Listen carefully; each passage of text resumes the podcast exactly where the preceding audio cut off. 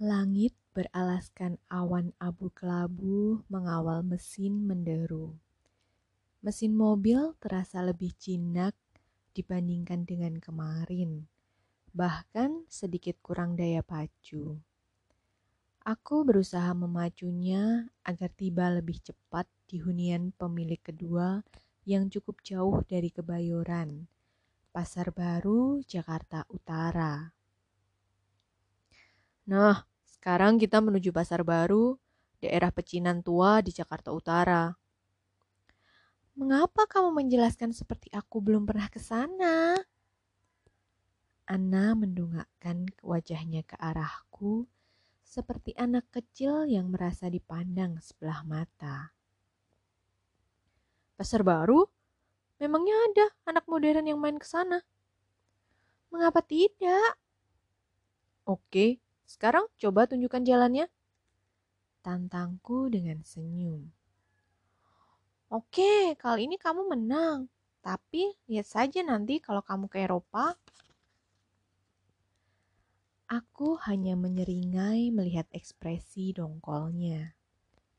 Lantas, aku mencabut sebuah lipatan kertas tebal dari selipan sisi samping kursi.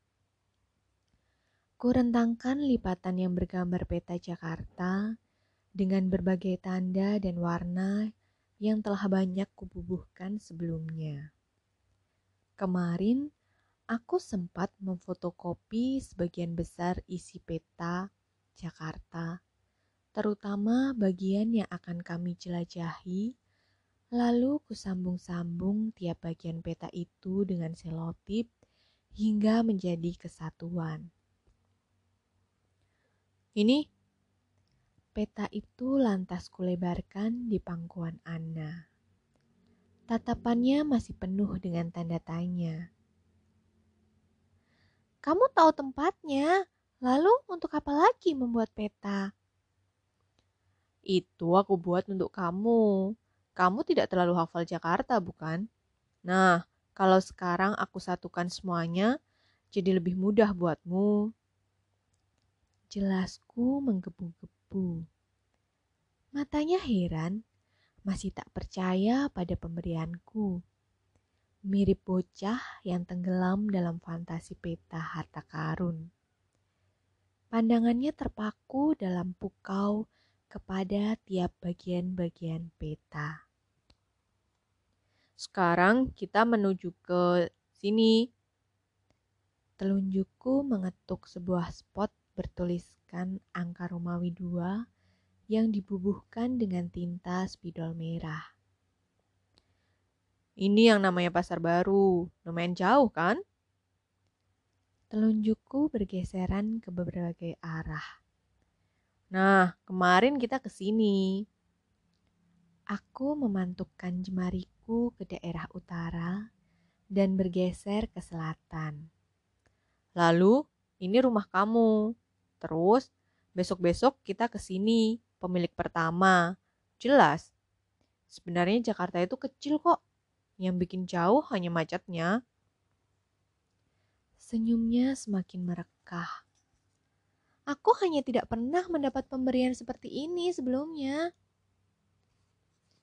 Biasanya diberi seisi kota ya, bukan cuma petanya. Aku tertawa renyah. Begitu pula dengannya. Letupan gemuruh menggaung. Awan semakin keruh.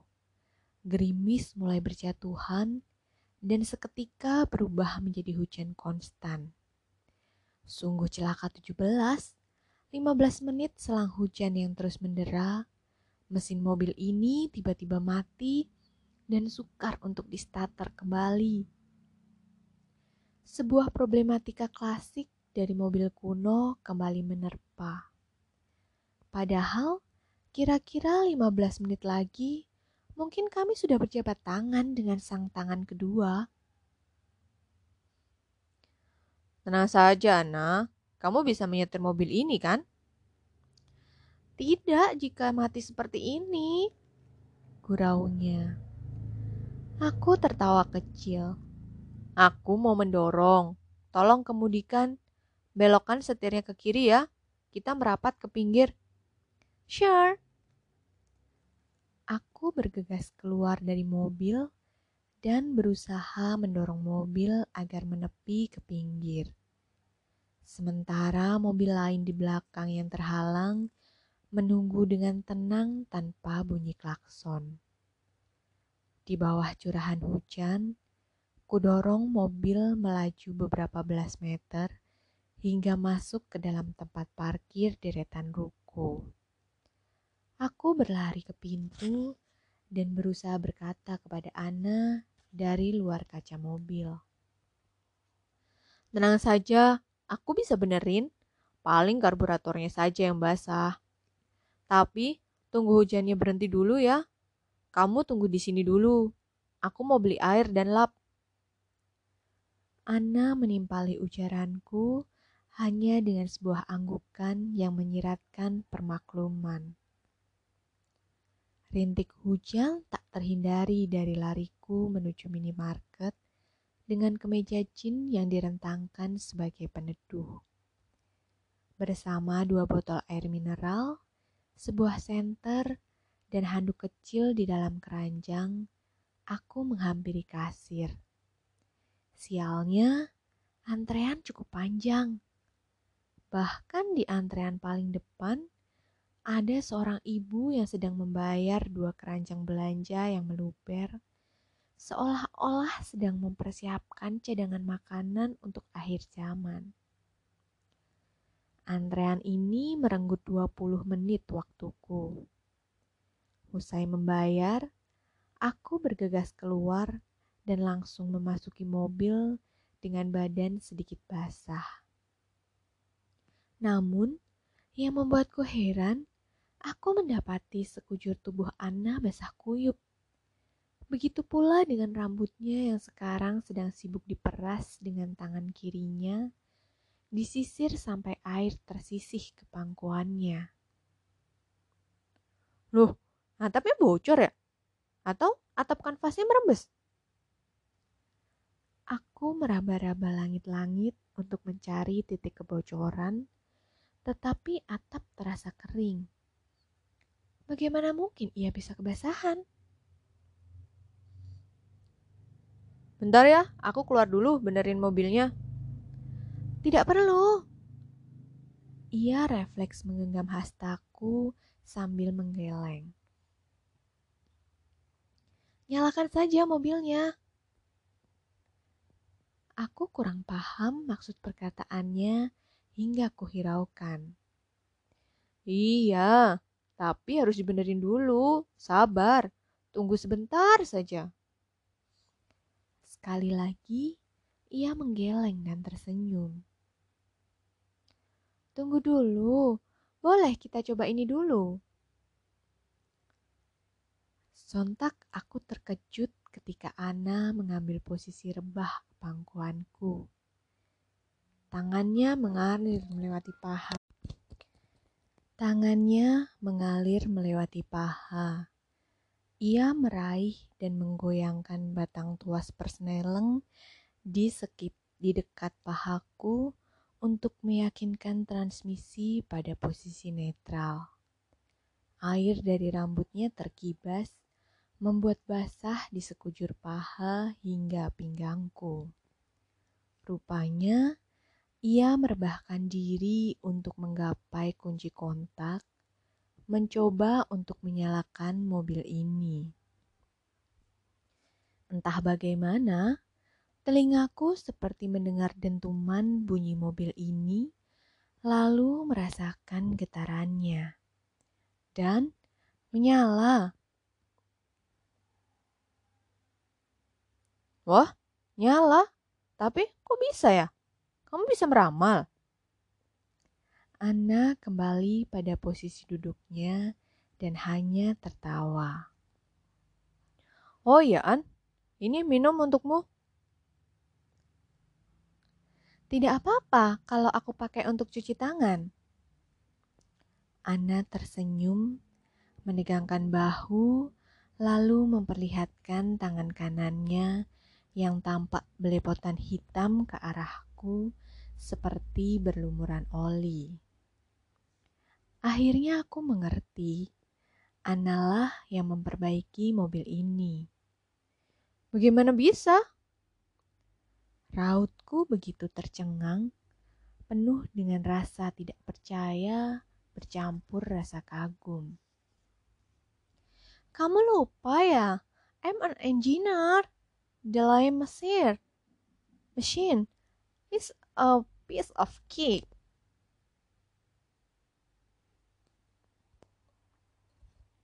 Tidak ada lagi yang bisa kuucapkan sebagai komentar yang pantas untuk kejutan besar ini. Seharusnya aku saja yang benerin. Kamu sampai basah dan kotor. Tapi bagaimanapun, terima kasih. Tidak apa. Lagi pula, dulu aku sering benerin mobil ini bareng Leo. Jadi aku lebih, lebih tahu harus diapakan mobil ini. Mobil Eropa yang baru saja diperbaiki oleh seorang perempuan dalam 15 menit akhirnya kembali terjun ke dalam padatnya arus lalu lintas Jakarta Utara. Melihat kelihayannya melakukan pekerjaan laki-laki, batinku semakin terhasut kepadanya. Untunglah, setidaknya aku masih memiliki ketahanan hasrat hati yang tinggi tidak mudah bagiku untuk berpaling. Kelihatannya kamu berbakat jadi engineer. Iya, sepertinya. Aku hanya lagi bored aja. Terlalu penat di sana. Apa pun itu, lakukanlah dengan tidak setengah-setengah. Atau kamu tidak akan dapat apa-apa. Oh iya, di engineering kamu belajar apa sih? Not as simple as that, but thanks. Oh iya Ran, by the way, kamu sudah ada pacar? Ia balas bertanya, seperti berusaha menghindari pertanyaan terakhirku.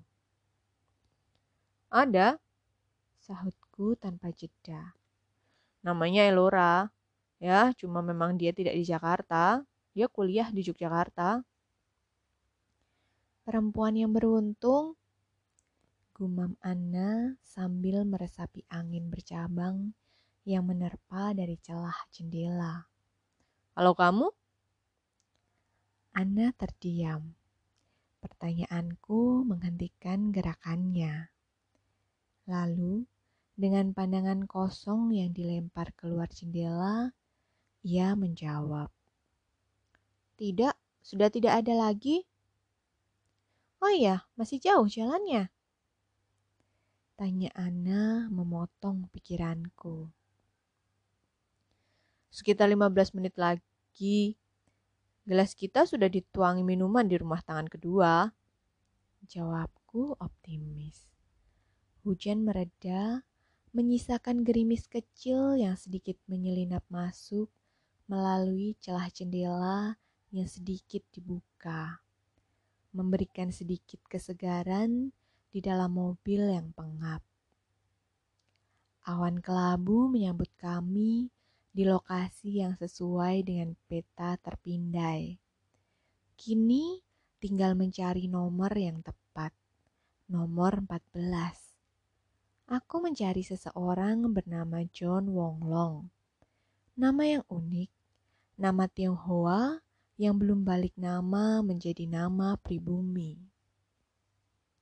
Ternyata tidak mudah menemukan alamat yang kucari.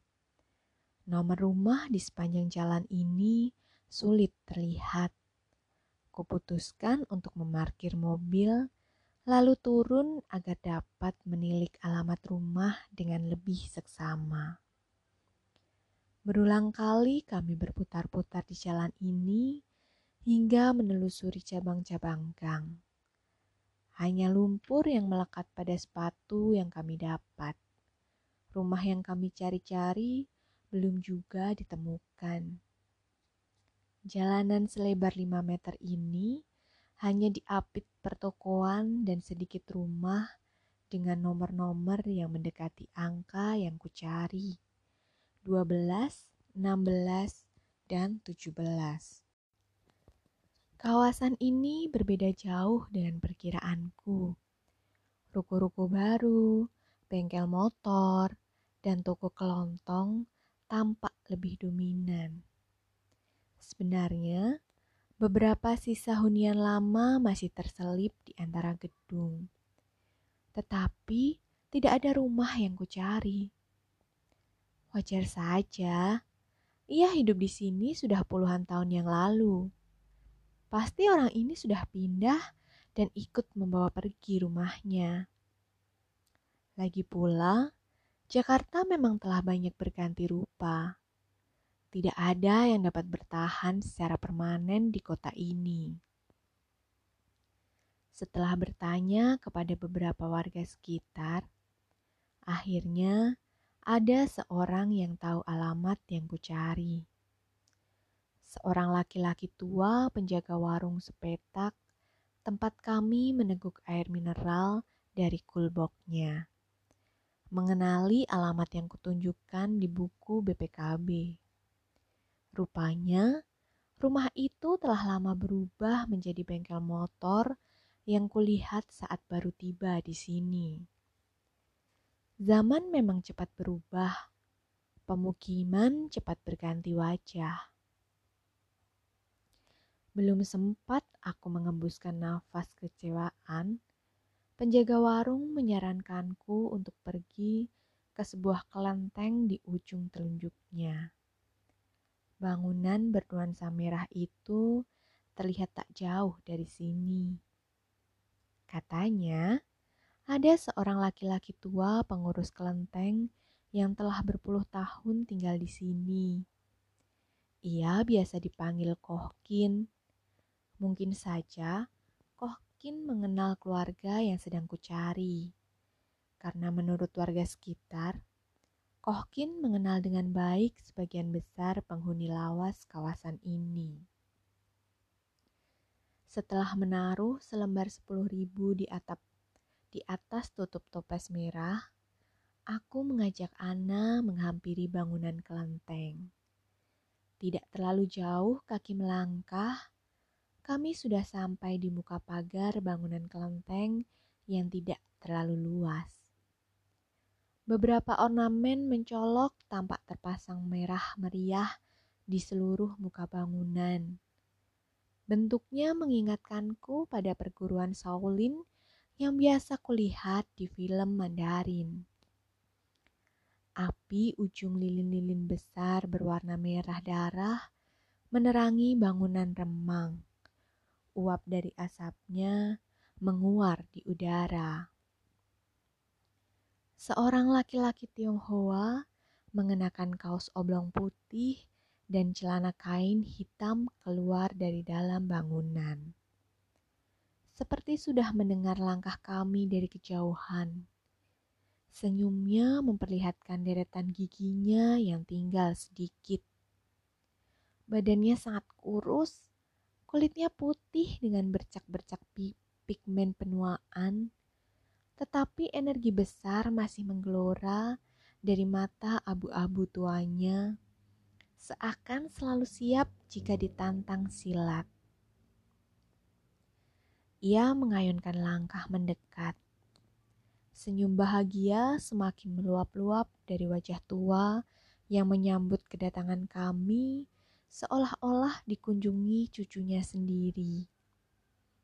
Mengharukan, mungkin tak lebih dari seorang laki-laki tua kesepian yang mengabdi pada sebuah wadah pandu agama pada segala perubahan zaman. Tak ada kata-kata yang keluar. Dengan gestur ramah, ia membungkuk dan menarik tiga bangku yang mengelilingi meja kayu bundar mirip kedai dalam film-film kungfu. Tiga cangkir teh keramik kecil bermotif naga biru tertata di tengah meja. Kini kami duduk bertiga, saling berhadapan. Aroma khas dari asap lidi-lidi merah merasuk ke hidung, membuatku terbatuk berkali-kali. Mendengarku terbatuk-batuk, Kohkin membuka percakapan dengan kata-kata singkat yang terkesan seperti sebuah petuah. In dan Yang. Ujarnya dengan senyum kecil dan suara serak. Hah? Aku refleks tak sopan. Aku mendekatkan telinga untuk memastikan apa yang kudengar. Ada asap, ada batuk, ada batuk, ada waktu untuk membuat teh. Lanjutnya. Ia pun pergi sejenak ke arah belakang kelenteng dengan langkah rentanya. Tak lama, ia kembali dengan membawa teko keramik putih bercorak biru dan menuang isinya yang kental ke dalam cangkir-cangkir di atas meja. Disodorkannya cangkir-cangkir itu ke hadapan kami masing-masing. Mengapa harus ada asap? Kalau tidak ada, jadi tidak perlu repot-repot membuat teh. Atau mengapa tidak menghidangkan tehnya saja, lalu mematikan asap? Tanyaku sambil meniup teh yang masih panas. Sungguh, hasratku langsung muncul untuk berbahasa basi soal filosofi dengan laki-laki tua ini. Karena tentu ia akan senang menuturkannya sesuai dengan pilihan hidupnya. Ia menggeleng maklum dengan senyum bijak yang mengingatkanku pada master-master di perguruan kungfu. Tidak ada asap, hanya teh, tidak ada ibadah, tidak ada ibadah, tidak ada kelenteng. Lalu tidak dapat menemukan kelenteng. Akhirnya kamu tidak bisa ke sini. Tidak ada teh, kamu tidak akan tahan di sini. Terus saja mengurusi batuk. Esensi petuah membuka pembicaraan Kohkin mulai mampu kumah, kupahami. Dalam rajutan senyum kecil, aku menikmati maknanya. Di dalam benak, Ku coba untuk menghubung-hubungkan filosofinya kepada kisahku dengan mobil itu. Persis. Cukup banyak ia bercerita. Maklum, ia orang tua yang sudah lama kesepian ditinggal arus zaman. Kisah yang dimulai dari cerita seputar kawasan ini tidak ketinggalan sejarah kelenteng. Rupanya, Dahulu kelenteng ini pernah disegel oleh tentara Jepang saat menduduki Indonesia tahun 1943. Saat itu, kaum Tionghoa banyak yang ikut ditahan bala tentara Jepang, termasuk saudara-saudara Kohkin yang diangkut dengan truk. Kohkin kecil bisa lolos dengan bersembunyi di dalam parit. Waktu itu, Kohkin hanya anak pedagang keliling di kawasan sini. Lalu, tahun 1945 saat Jepang mundur, kelenteng ini mulai dibuka kembali dan sempat menjadi dapur umum saat agresi militer Belanda berkecambuk. Saat itu, Kohkin banyak membantu distribusi obat-obatan ke kelenteng. Hingga pada tahun 1948, saat situasi Indonesia mulai tenang, Kohkin muda diberi kuasa untuk membangkitkan kelenteng ini kembali sesuai dengan fungsi awalnya hingga sekarang. Pembicaraan pun mulai kuarahkan langsung pada maksud kedatanganku. Semangatku langsung meletup ketika ia mengingat, mengatakan bahwa ia mengenal baik laki-laki yang bernama Jun Wonglong. Rupanya, Kohkin dan John Wonglong bersahabat baik sejak lama. Keluarga Long rutin beribadah di kelenteng ini. Semenjak tahun 50-an, keluarga Long adalah salah satu keluarga terkaya di Jakarta Utara pada saat itu. Ternyata Keluarga Long sudah berpindah dua kali. Kira-kira tahun 1974, John Wong Long pindah dari alamat asalnya yang tertera di BPKB ke sekitaran tempat itu juga, ke rumah yang lebih besar. Hingga tahun 1999, John Wong Long sekeluarga pindah ke Kemayoran. Semenjak itu, keluarga Long hilang kabar. Tidak pernah lagi datang kemari. Kalau soal mobil itu, Kohkin jarang melihatnya.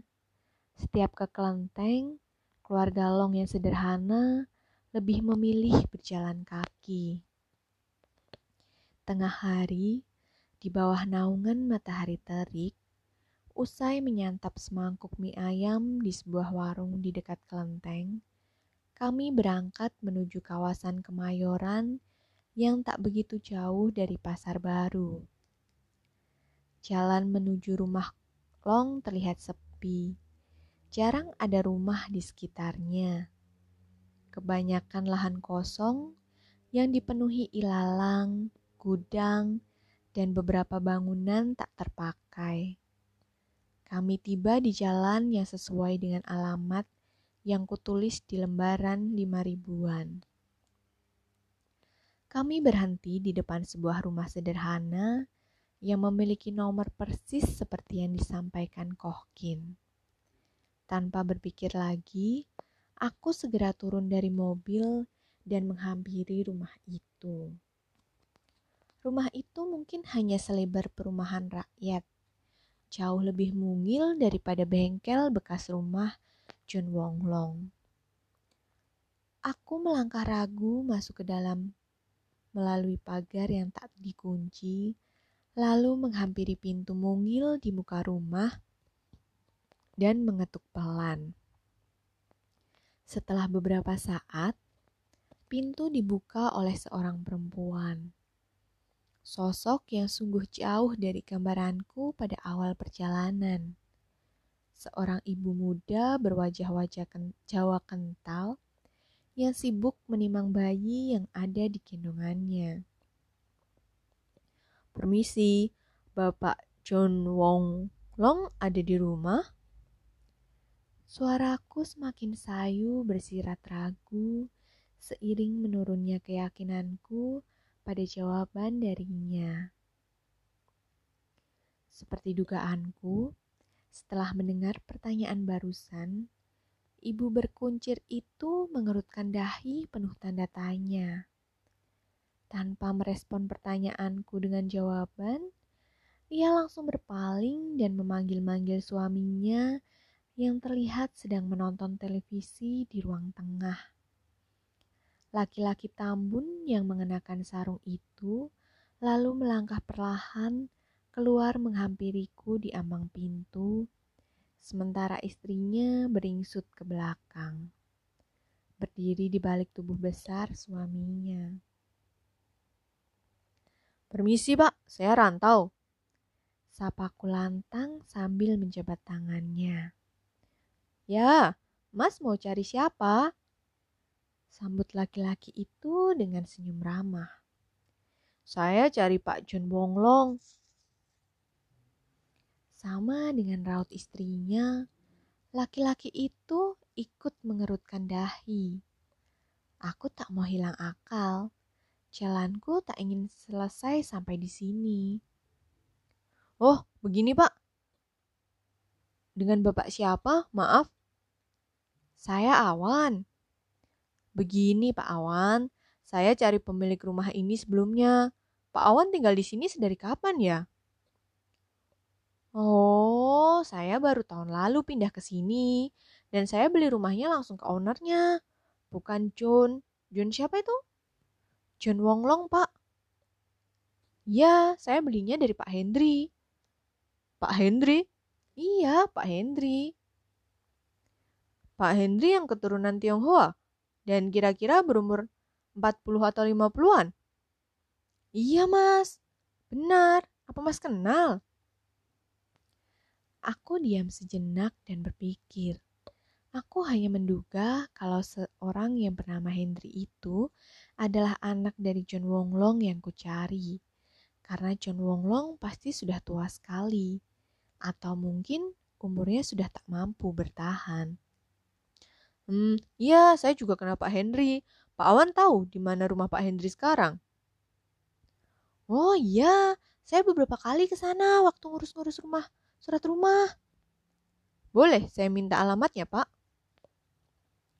Dengan mendetail, seperti seorang mandor yang mengarahkan rancang bangun, awan menggambar arah rute jalan di atas secarik kertas HVS.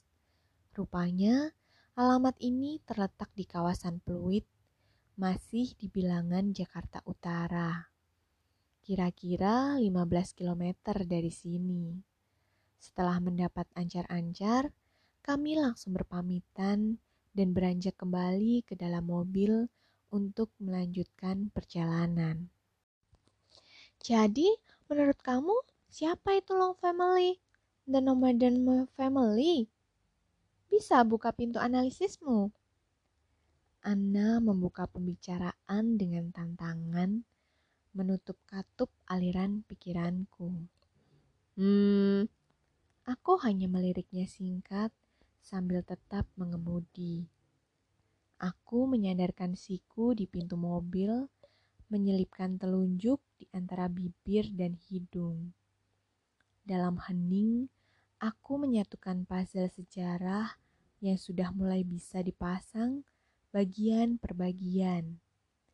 Aku mencoba menghubungkan fenomena-fenomena besar yang terkait dengan tiap fase kehidupan subjek yang sedang kupikirkan. John Wong Long. Hey, arkeologis, I dare you.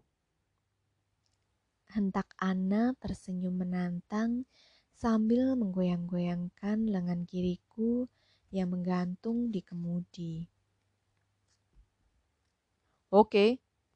Aku menghela nafas dan memasukkan tuas persneling ke gigi empat mempercepat laju kendaraan seirama dengan semangatku yang meletup-letup. Begini, pertama, keluarga itu jelas keluarga keturunan Tionghoa.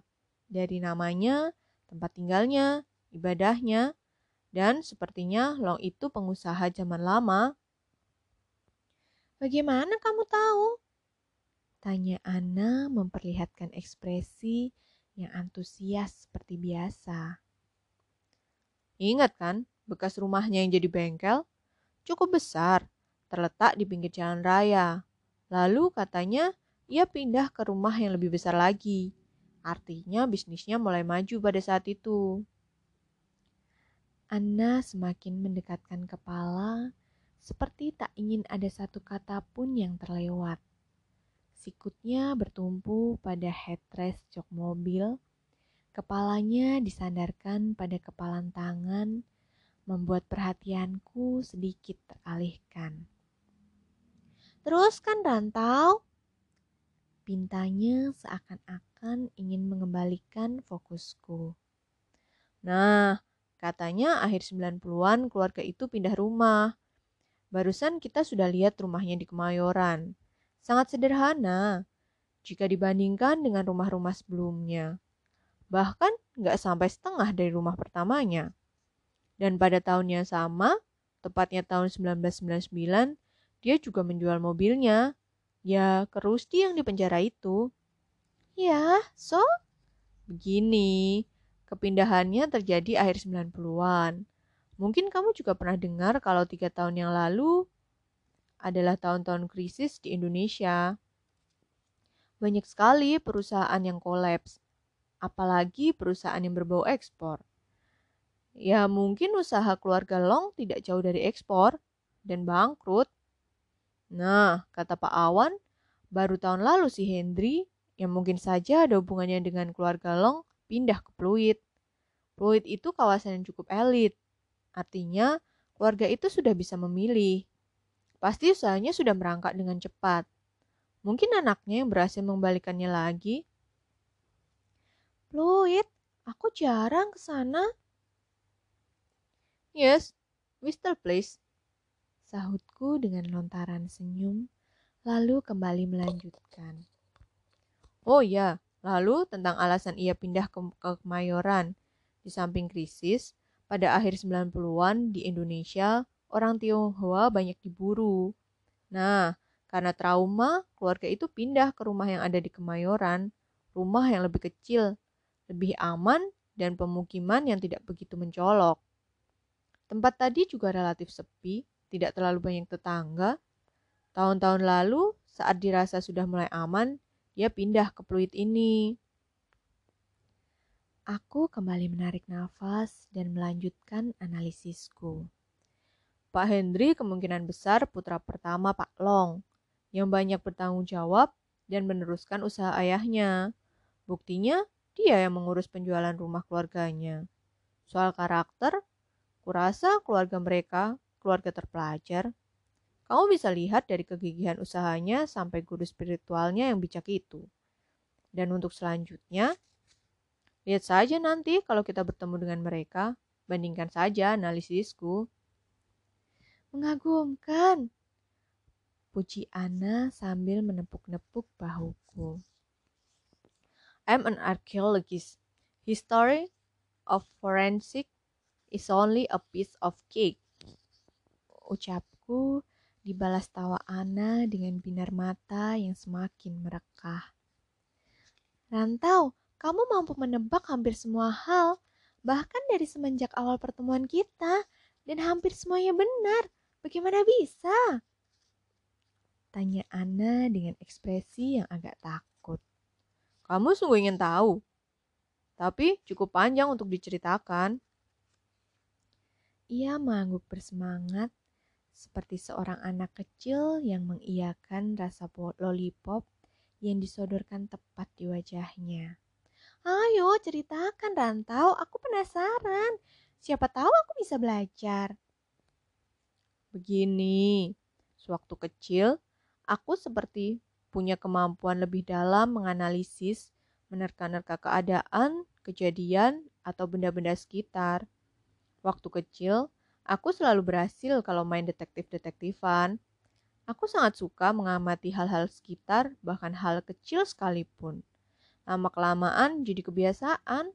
Seiring waktu berjalan, aku terus melatihnya sampai bisa membaca kehidupan manusia seperti ilmu psikologi. Sedikit berbeda kalau psikologi itu menganalisis karakter seseorang tentang apa yang biasa dilakukannya.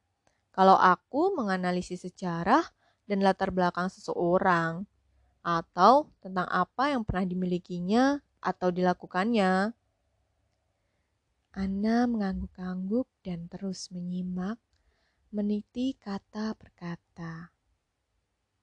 Karena itu, banyak orang yang menyangka aku punya indera keenam, bisa membaca aktivitas orang, apa yang diinginkan orang, apa yang dipikirkan orang, juga arah kata-kata yang akan keluar dari seseorang.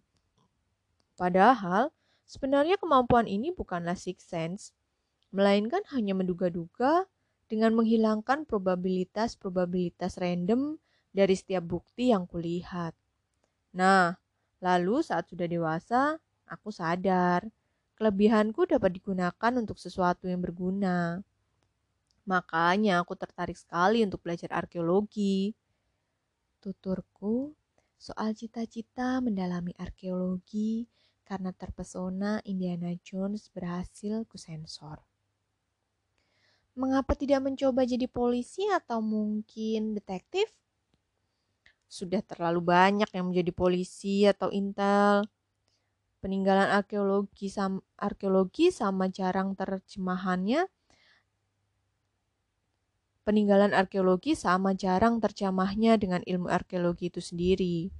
Dan kini, dalam ilmu arkeologi, aku menggunakan kemampuanku untuk analisis sejarah sangat berguna. Ya memang, bidang kuliahku ini sering dianggap sepele. Kesannya mudah, hanya membaca buku, lalu mencocok-cocokkannya dengan temuan. Padahal esensinya jauh lebih banyak dari itu. Menurutku, arkeologi memang bagus. Seperti di Eropa, banyak sekali arkeologis yang dipandang orang. Di barat, arkeologi memang cukup maju dan banyak peminatnya. Bahkan tidak sedikit channel televisi yang menayangkan acara tentang penggalian purbakala hingga benda-benda antik. Tapi kalau di Indonesia, bagaimana dengan arkeologi Indonesia? Hmm, mungkin aku langsung menjelaskan dengan contoh saja. Kamu pernah dengar tentang cerita Roro Jonggrang atau Candi Prambanan? Hmm, sepertinya iya, ketika junior school. Nah, mengapa tidak kita bilang kepada anak sekolah bahwa yang membangun candi semegah itu adalah bangsa kita sendiri yang ternyata sudah sangat ahli kala itu. Seharusnya kita bangga punya arsitek hebat sejak zaman purbakala. Tapi mengapa dalam ceritanya harus dikayalkan ada seribu roh yang membantu pembuatannya?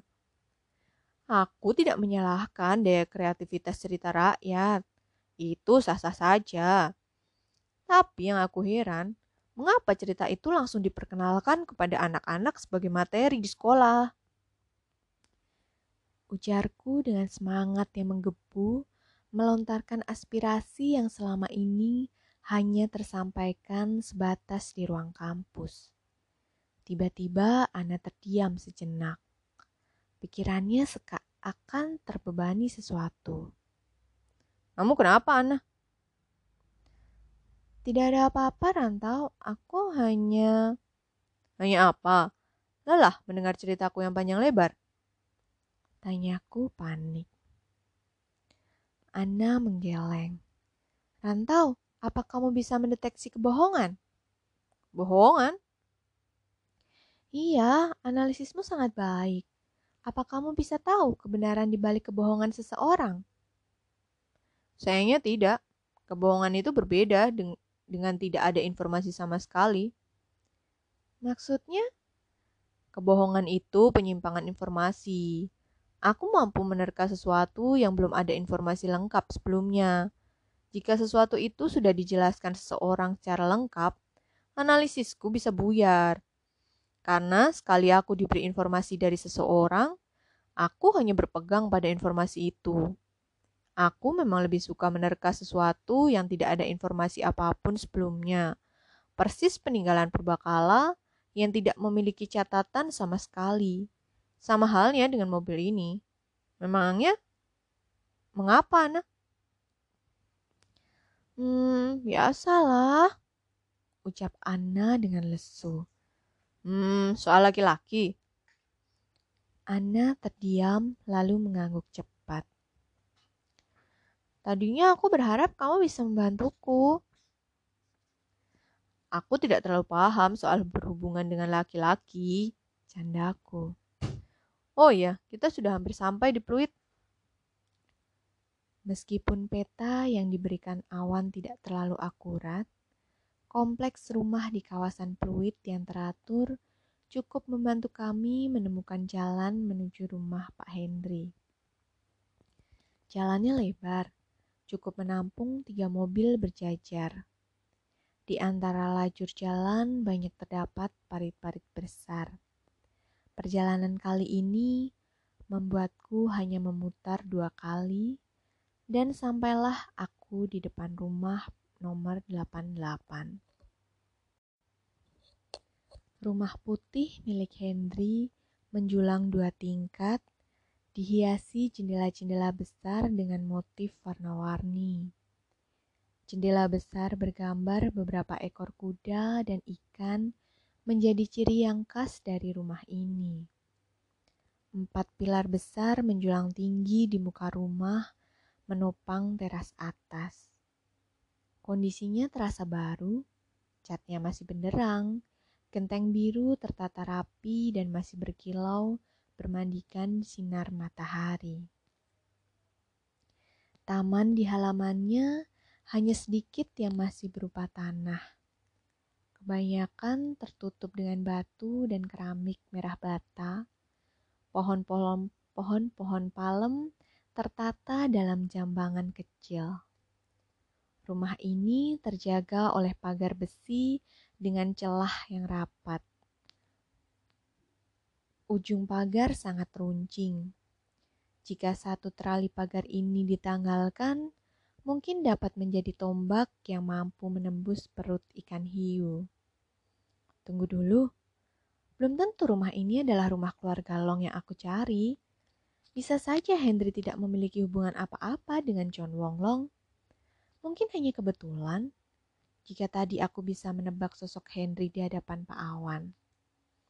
Kini, aku hanya bisa berharap sang penghuni rumah ini tahu siapa orang yang sedang kucari. Jarum jam tanganku menunjuk di antara angka 5 dan 6. Aku menanti resah di depan gerbang rumah layaknya setiap kunjungan sebelumnya.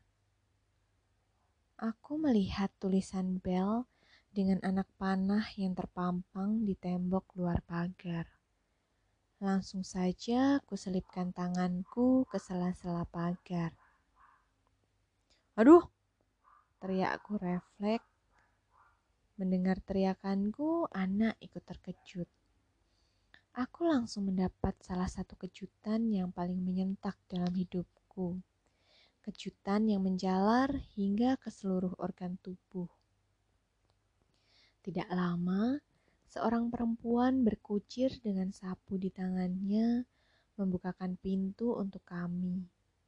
Sepertinya ia asisten rumah tangga di rumah ini. Tampaknya ia datang karena mendengar suaraku. Maaf mas, maaf, ucap perempuan itu segan. Maaf, belnya belum dipasang. Mas kesetrum ya? Aku hanya menyeringai sambil mengibas-ibaskan tanganku seolah-olah tidak sakit meskipun kesemutan yang kurasa cukup menyiksa. Belnya lucu kok mbak, bunyinya aduh. Candaku. Iya maaf mas. Si mbak berusaha menyembunyikan tawanya. Bapak Hendri ada mbak. Saya rantau temannya. Tanyaku pelan-pelan. Oh, Pak Hendri masih di kantor, tapi biasanya satu jam lagi pulang. Hmm, kalau begitu biar saya tunggu saja. Baik, Mas. Tunggu di dalam saja. Silahkan masuk. Dengan ramah, asisten rumah tangga itu memandu kami untuk masuk ke dalam rumah. Aku dan Ana melangkah perlahan memasuki rumah dengan langit-langit yang tinggi ini melewati ruang tamu dengan kursi berukir mewah. Langit-langit ruang tengah yang melingkar berwarna biru berlukiskan awan-awan dengan gambar beberapa malaikat kecil menari, tetapi bagiku justru berkesan norak.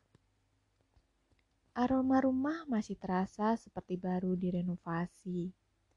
Aroma cat dan kayu yang masih segar menyerbak di dalam. Perabotan belum banyak menghuni rumah yang seluas lapangan bulu tangkis ini. Bahkan sangat jarang kutemui foto-foto keluarga. Kami terus dituntun masuk ke dalam hingga ke ruang tengah yang menyambung. Samar terdengar suara siaran televisi. Kaki telanjangku berpijak di atas karpet Persia merah di ruang tengah.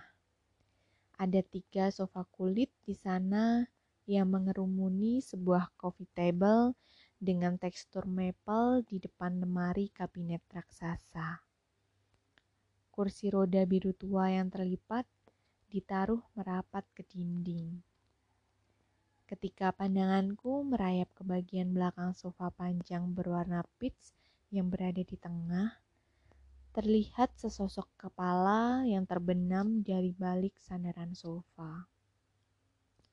Aku mendekat dan berhenti satu meter tepat di belakangnya. Tersembul kepala licin yang hanya ditumbuhi beberapa helai rambut tipis yang sudah memutih total. Perempuan tadi melangkah ke hadapan laki-laki itu. Dengan badan membungkuk, ia bersuara lantang tepat di daun telinga orang yang tengah terduduk itu sambil menunjuk-nunjuk arahku. Pak, lagi ada tamu. Asisten rumah tangga itu mengisyaratkan kami untuk datang ke hadapannya. Begitu maju ke depan, mataku langsung tertuju pada laki-laki sepuh yang renta. Umurnya mungkin sudah kepala sembilan. Tubuhnya seperti mumi, terkesan hanya terdiri dari tulang yang dililit urat dan dibungkus kulit berkerut. Kulit putihnya senada dengan rambut putih yang dapat dihitung helainya. Korneanya sudah mengeruh abu-abu. Kerut dan bercak-bercak pigmen memenuhi kulitnya. Ia terduduk lemas tiada daya, mengenakan piyama biru muda, bak pasien dengan alas kaki selop. Tatapannya kosong, tidak bereaksi terhadap kedatanganku. Bahkan aku pun ragu apakah ini orang hidup atau mayat yang diawetkan. Mas, ini Pak Long, ayahnya Pak Hendri. Ujar Simba sambil tersenyum. Long, nama itu langsung meledak di jantungku. John Wong Long? Tanyaku lantang. Raut heran langsung terlihat di wajahnya. Iya mas, mas kenal dengan Opalong. Dadaku terasa seperti dialiri air terjun Niagara. Darah terpompa cepat, memacu jantung yang semakin berdebar. Untuk pertama kalinya dalam hidupku, aku senang bertemu dengan orang yang bahkan tak pernah ku kenal sebelumnya. Rupanya John Wonglong masih berwujud. Ia masih bertahan hidup bersama mobil ini meski dalam kerentaannya. Lalu dengan pasti ku jawab pertanyaan perempuan itu. Iya, saya teman Opalong. Rautnya semakin takjub. Ia pasti terheran bagaimana seorang pemuda dapat mengenali orang yang berbeda zaman. Langkah kakinya mendekat dan berbisik. Mas, maaf, Opa sudah agak pikun, pernah kena, kena stroke. Sebenarnya saya sangsi apa Opa masih ingat sama teman-temannya. Wong sama keluarga sendiri kadang-kadang lupa. Maklum saja ya mas. Kalaupun tidak pikun, dia juga tidak akan tahu siapa aku. Jelas belum pernah ada perkenalan di antara kami, pikirku. Hmm, kalau begitu saya tunggu Pak Hendri saja, Mbak. Baik kalau begitu, Mas dan Mbak tunggu di sini saja sambil saya buatkan minum. Mau minum apa?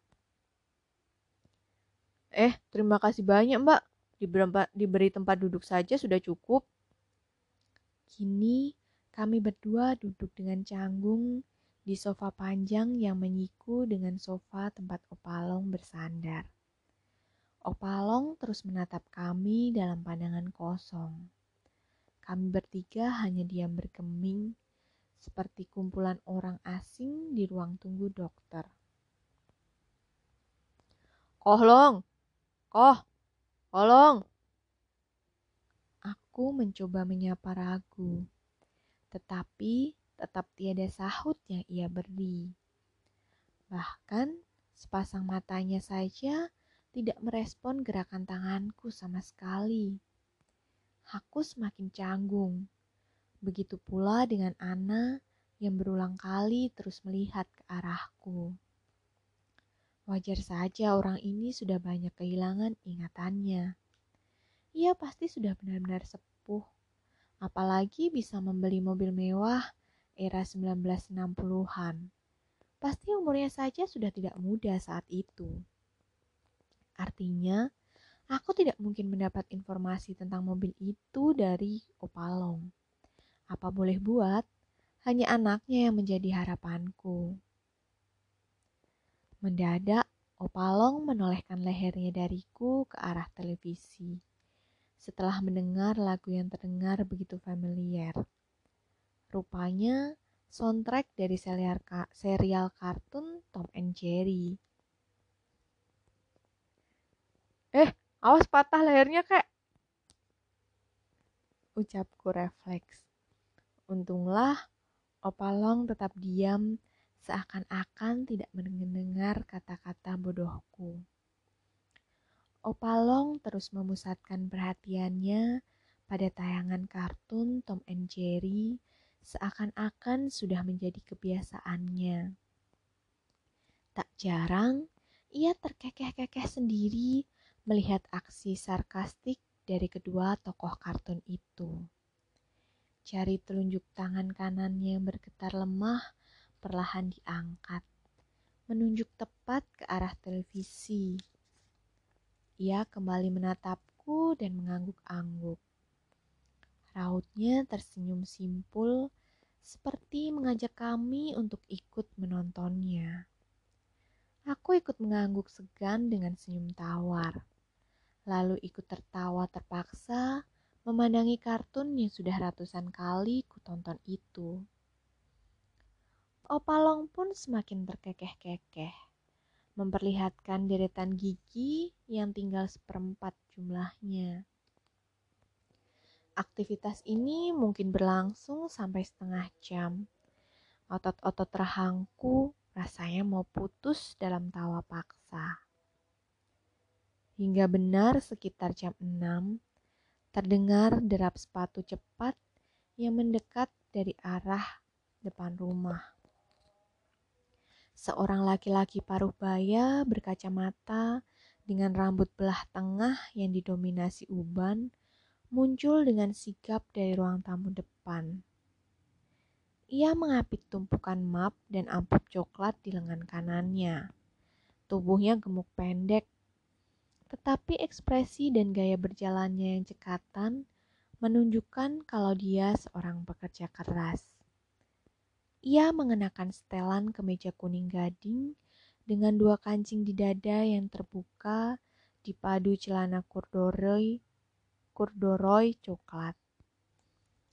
Langkahnya terhenti saat perempuan yang menyambutku tadi datang dan melapor kepadanya.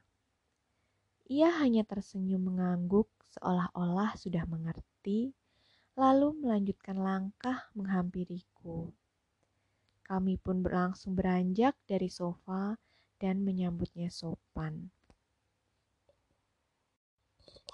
Dengan raut yang penuh keramahan, ia menjabat tanganku erat dan menepuk lenganku dengan akrab. Saya Henry, putra Pak Long. Sapanya. Saya rantau, dan ini teman saya Anna.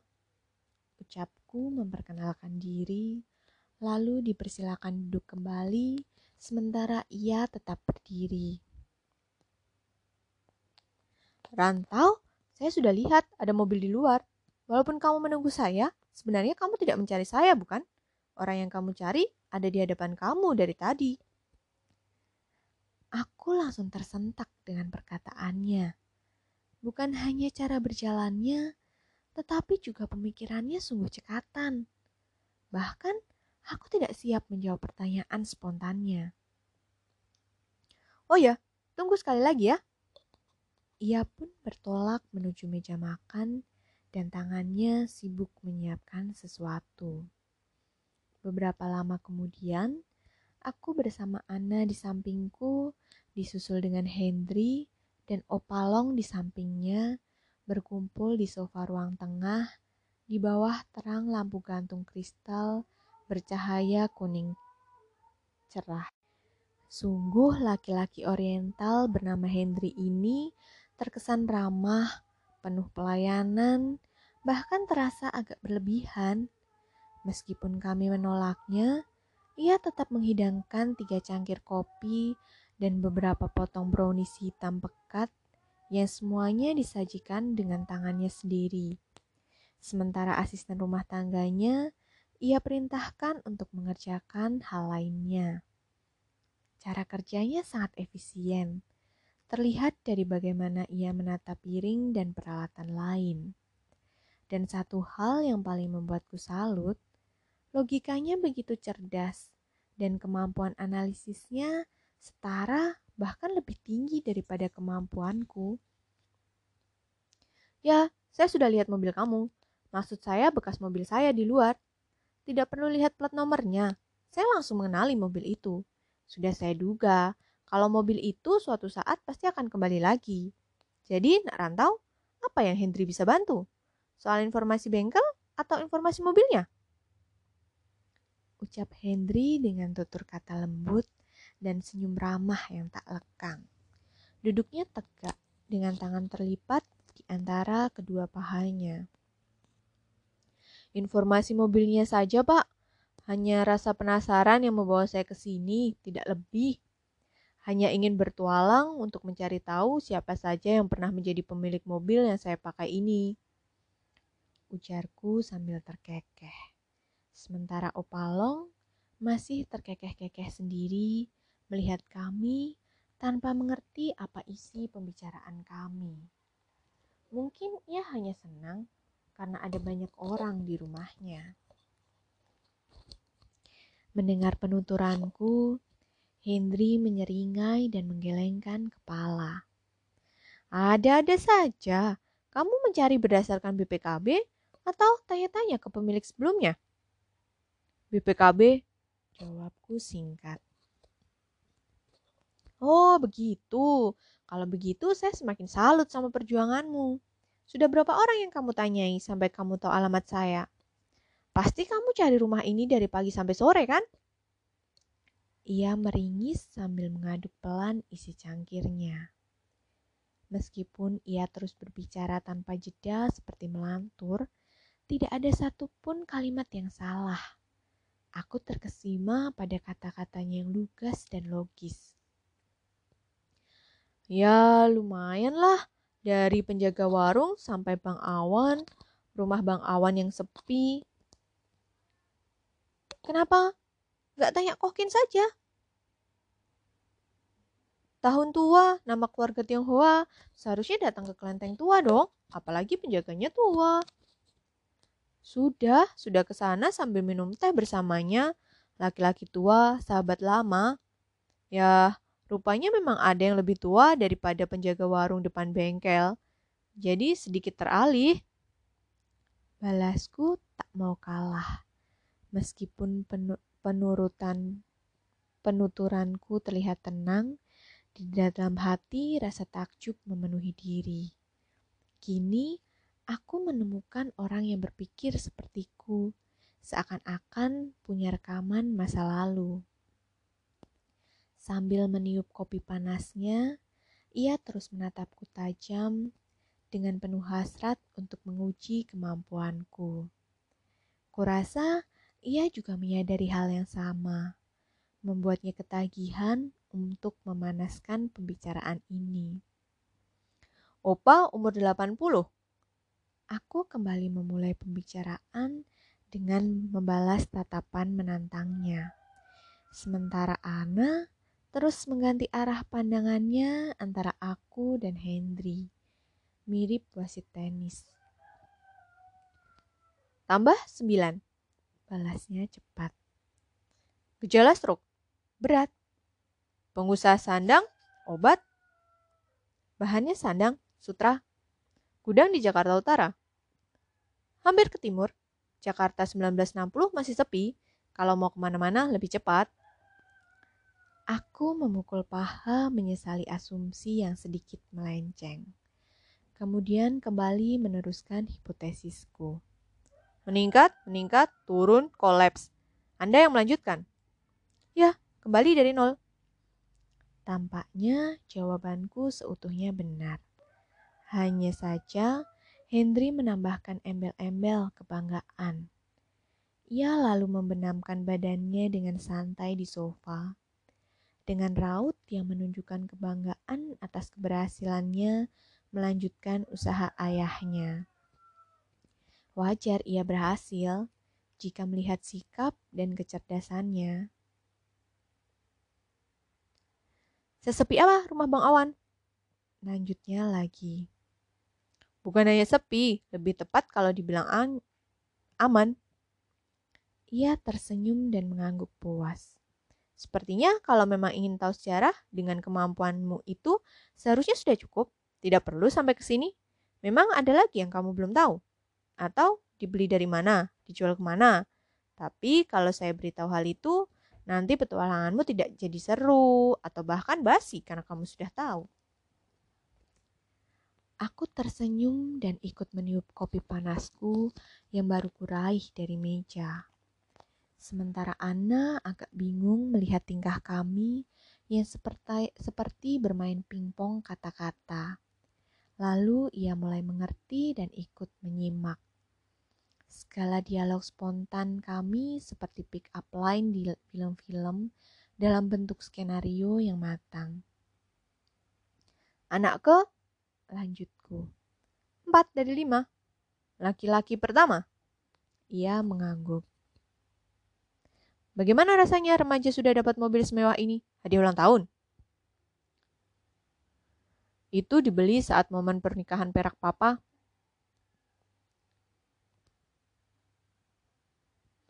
Agak janggal, mengapa mobil second untuk hadiah?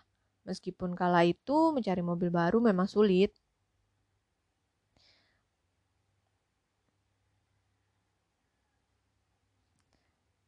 Pertanyaan dan pernyataan kamu benar. Bagaimana jika saya katakan bahwa ayah sayalah yang memiliki mobil itu pertama kali? Apa? Bukankah namanya ada di kolom pemilik kedua? Tidak mungkin, karena pemilik pertama dan keluarga bersaudara, sedangkan nama pemilik pertama bukanlah nama Tionghoa. Aku hanya bisa bertanya-tanya dalam hati. Rasa gengsi mengunci bibirku.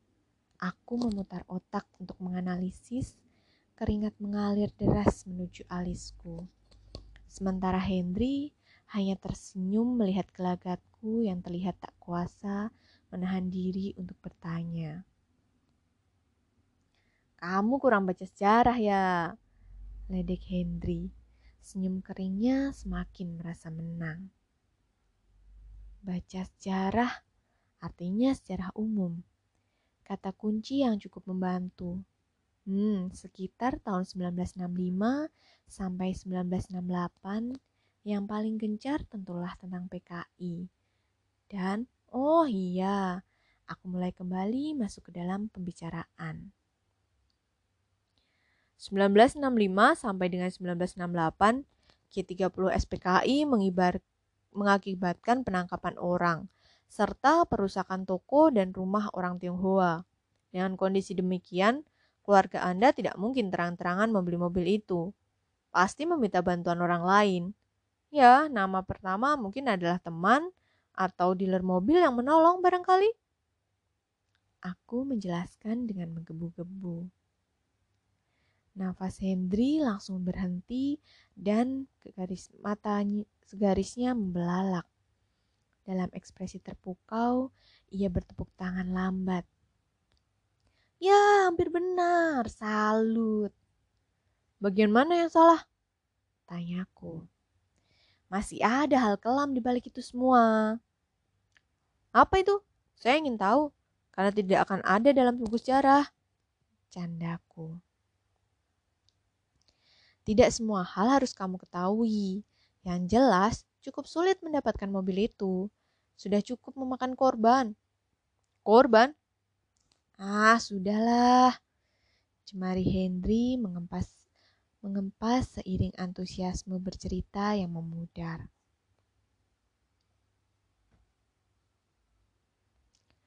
Soal dibeli dan dijual ke mana, saya ingin tahu lebih banyak. Karena saya tidak berhasil menemukan pemilik ketiga. Hanya kakaknya yang saya temui. Kalau pemilik pertama pasti akan jauh lebih sulit dibandingkan hari ini. Sebagai antisipasinya, lebih baik diceritakan sekarang saja. Bukannya saya mau menyerah. Sambil meringis, ia langsung menyambung kata-kataku dengan tepat.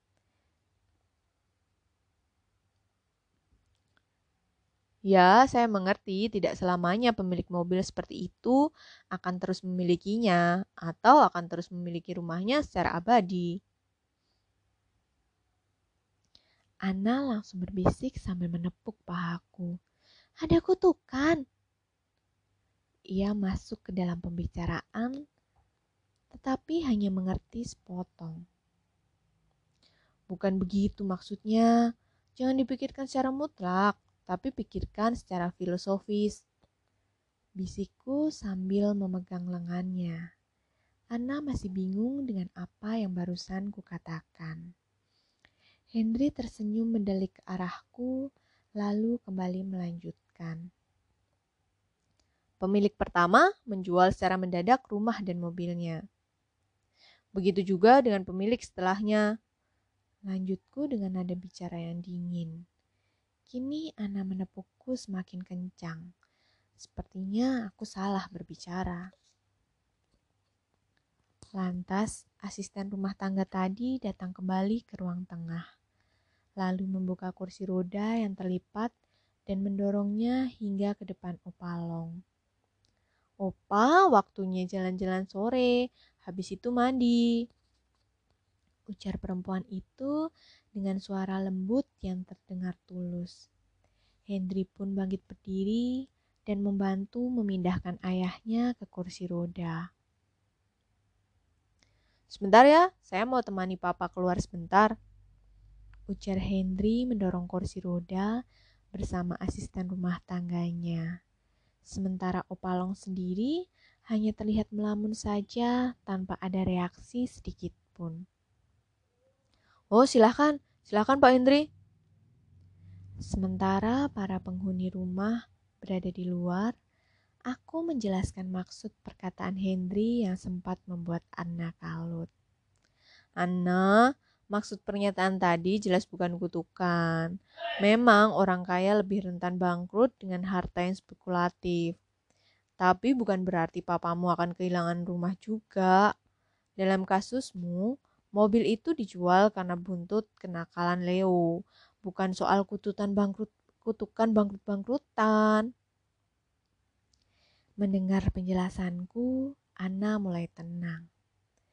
Tak lama, Henry kembali masuk dan duduk di sofanya, sementara Opalong sepertinya masih berada di luar.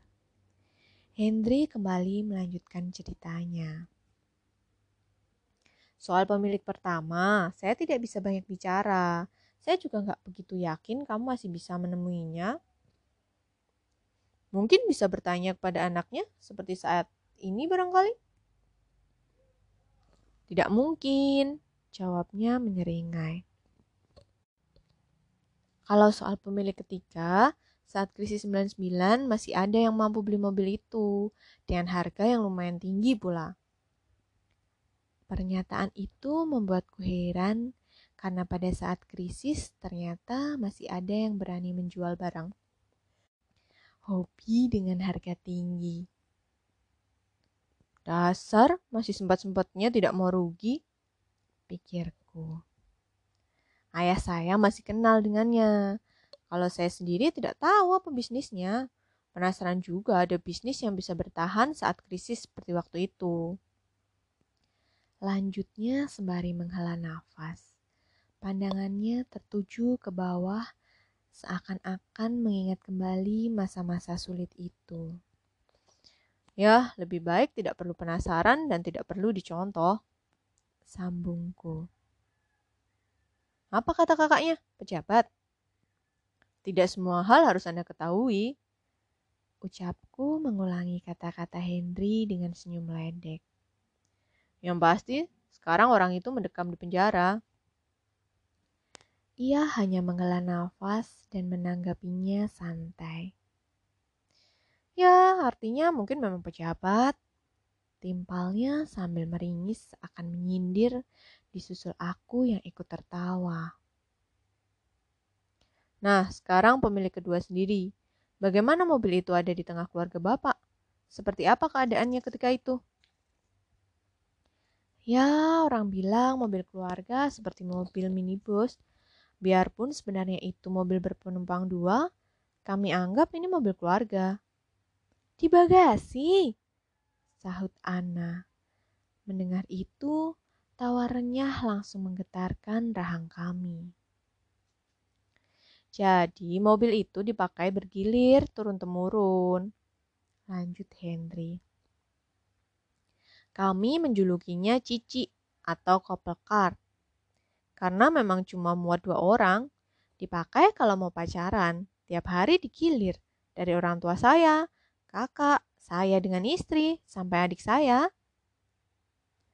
Ucapnya penuh semangat seakan-akan bernostalgia dengan masa lalunya. Tergambar dong perasaan keluarga waktu mobil itu terpaksa dijual. Lu bayangin aja, 30 tahun lebih Jari-jarinya ikut menunjukkan angka tiga dengan ekspresi yang semakin serius. Logat Tionghoanya kembali keluar ketika tak mampu membendung emosi. Kekecewaannya waktu itu serasa kembali meluap dalam dirinya dan kini ia terhasut pada perasaan-perasaannya waktu itu.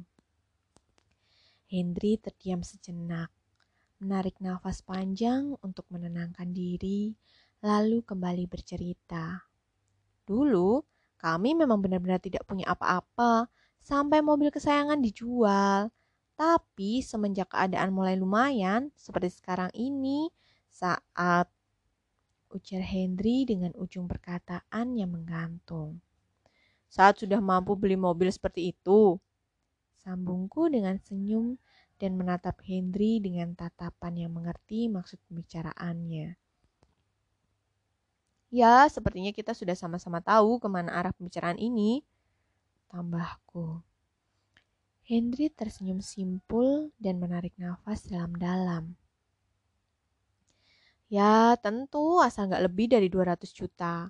Peristiwa memang tidak bisa dibayar untuk diulang, tetapi kenangan bisa dibayar tegasnya langsung tanpa berbasa-basi dengan tatapan yang angkuh, merasa mampu membeli segalanya. Maaf, tidak bisa.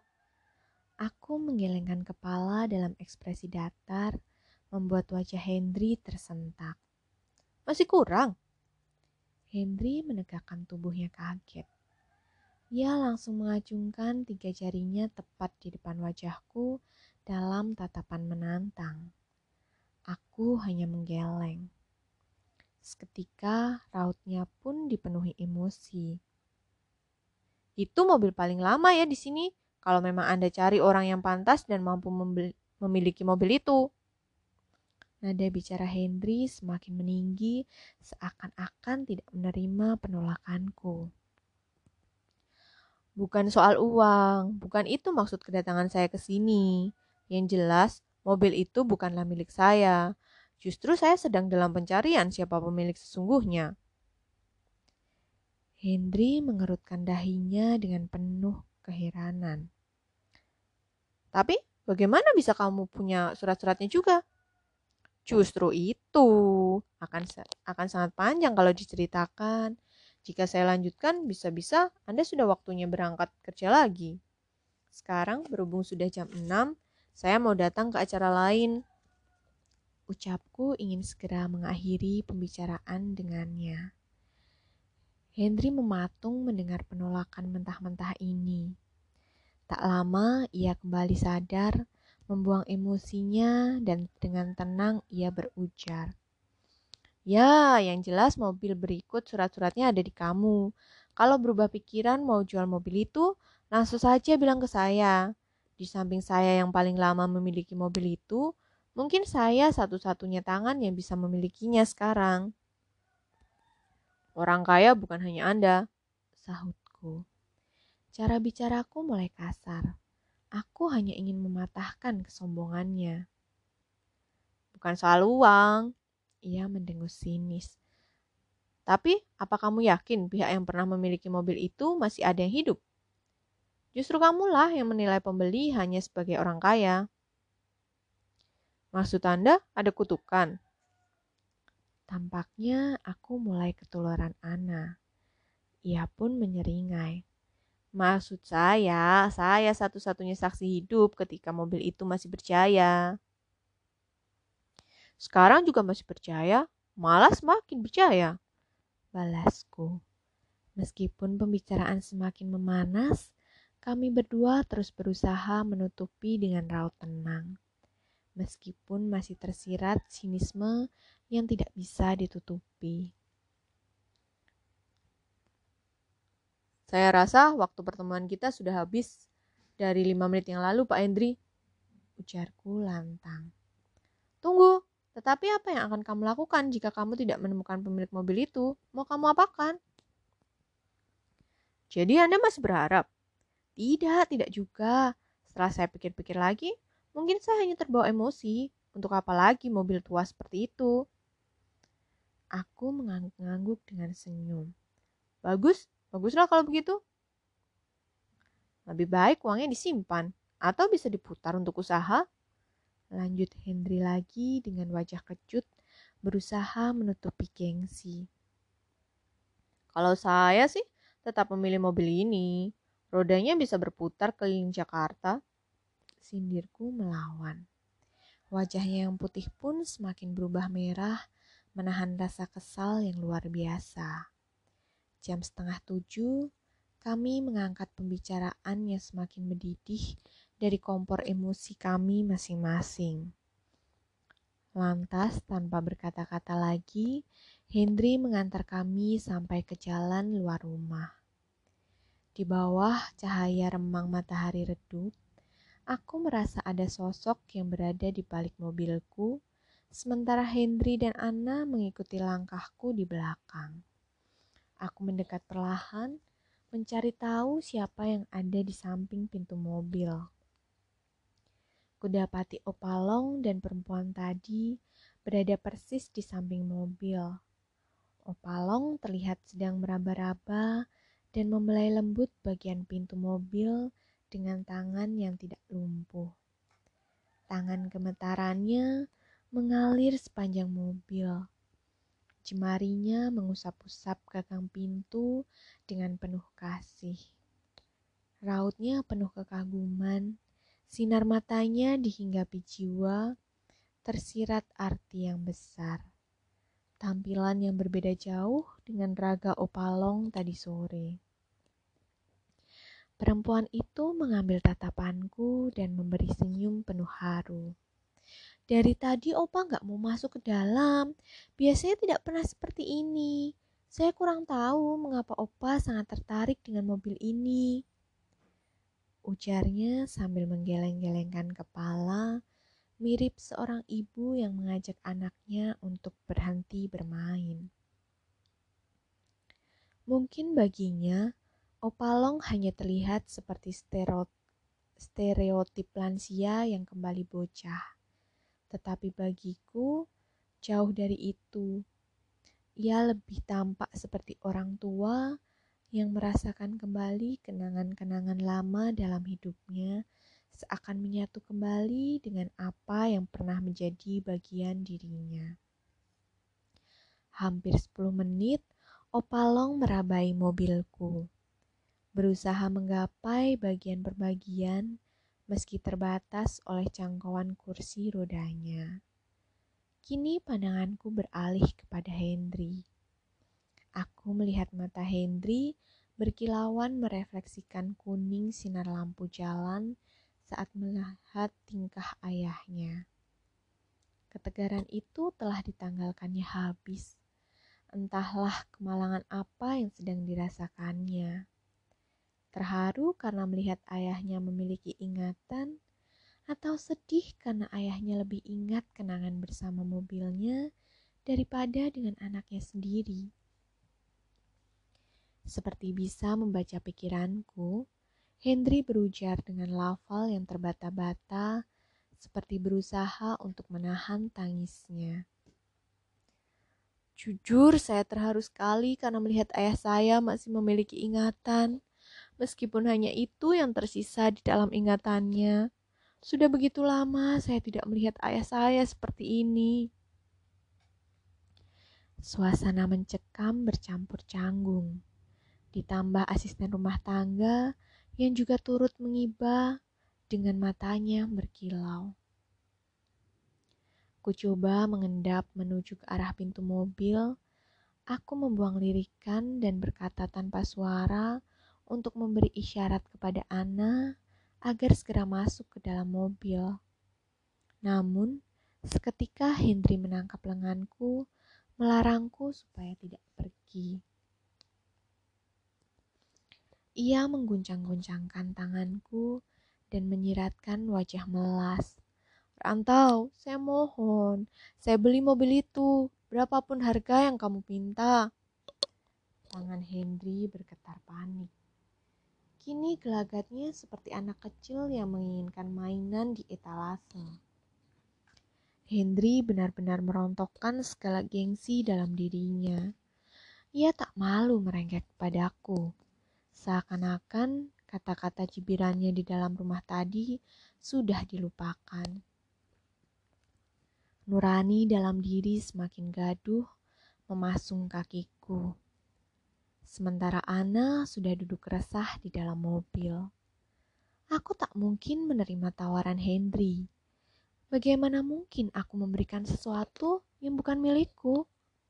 Atas dasar itu, aku mengelak genggaman tangan Henry, memasang wajah ketus. Aku bergegas masuk ke dalam mobil dan tidak menatap wajah Henry sama sekali. Henry langsung merengkuh bahuku hingga membuatku mundur. Ia berbisik kepadaku. Bagaimana jika aku katakan bahwa aku kenal dengan perempuan itu?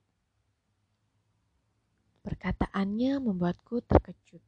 Oh ya? Aku masih bersaudara dengannya. Yang benar saja. Begitupun kita. Kalau ditelusuri pasti masih bersaudara. Balasku ketus. Meskipun pernyataannya cukup menyentak, aku hanya menganggap kata-kata Henry hanya sebuah gertakan dari seseorang yang kalah. Aku menepis tangannya dan segera masuk ke dalam mobil. Dari spion, kulihat tangan Opalong masih menempel di samping belakang mobil. Sementara Henry terus mengetuk-ketuk kaca seperti pengemis di lampu merah. Ia sama sekali lupa pada harga dirinya sebagai seorang laki-laki mapan. Bagaimana ini rantau? Ia terus mengatuk kaca jendela. Tanya Anna panik sambil menoleh ke belakang. Lempar recehan saja, gurauku sekenanya. Ah, kamu ini bukan saat yang tepat untuk bercanda. Aku masih kesal dengan si congkak itu. Sebenarnya yang membebani pikiranku hanya ayahnya itu. Menurut kamu bagaimana? Kurasa kita harus kembali pada tujuan awal rantau. Kalau keinginan setiap pemilik kita turuti, mobil ini bisa terbagi empat. Jawabnya. Begitu mendengar saran Ana, tanpa memedulikan situasi yang terjadi, aku memasukkan gigi, maju mengangkat pedal kopling perlahan-lahan membuat mobilku melaju sedikit demi sedikit. Dari spion, aku terkejut melihat Opalong terjatuh berlutut dari kursi rodanya. Rupanya Opalong masih bertumbuh pada mobilku. Dan ketika mobilku melaju, ia kehilangan pegangannya. Opalong terlihat mengangkat tangannya sambil meronta, berusaha menggapai mobilku dengan suara yang hampir tidak terdengar. Ia berusaha berteriak supaya aku tidak pergi. Sesungguhnya, aku sudah tak kuat lagi melihat semua ini. Tetapi aku terus menguatkan diriku untuk tega bertingkah kecil. Kami bergegas meninggalkan perkara itu dalam suasana hening yang dibuntuti bayang-bayang rasa bersalah.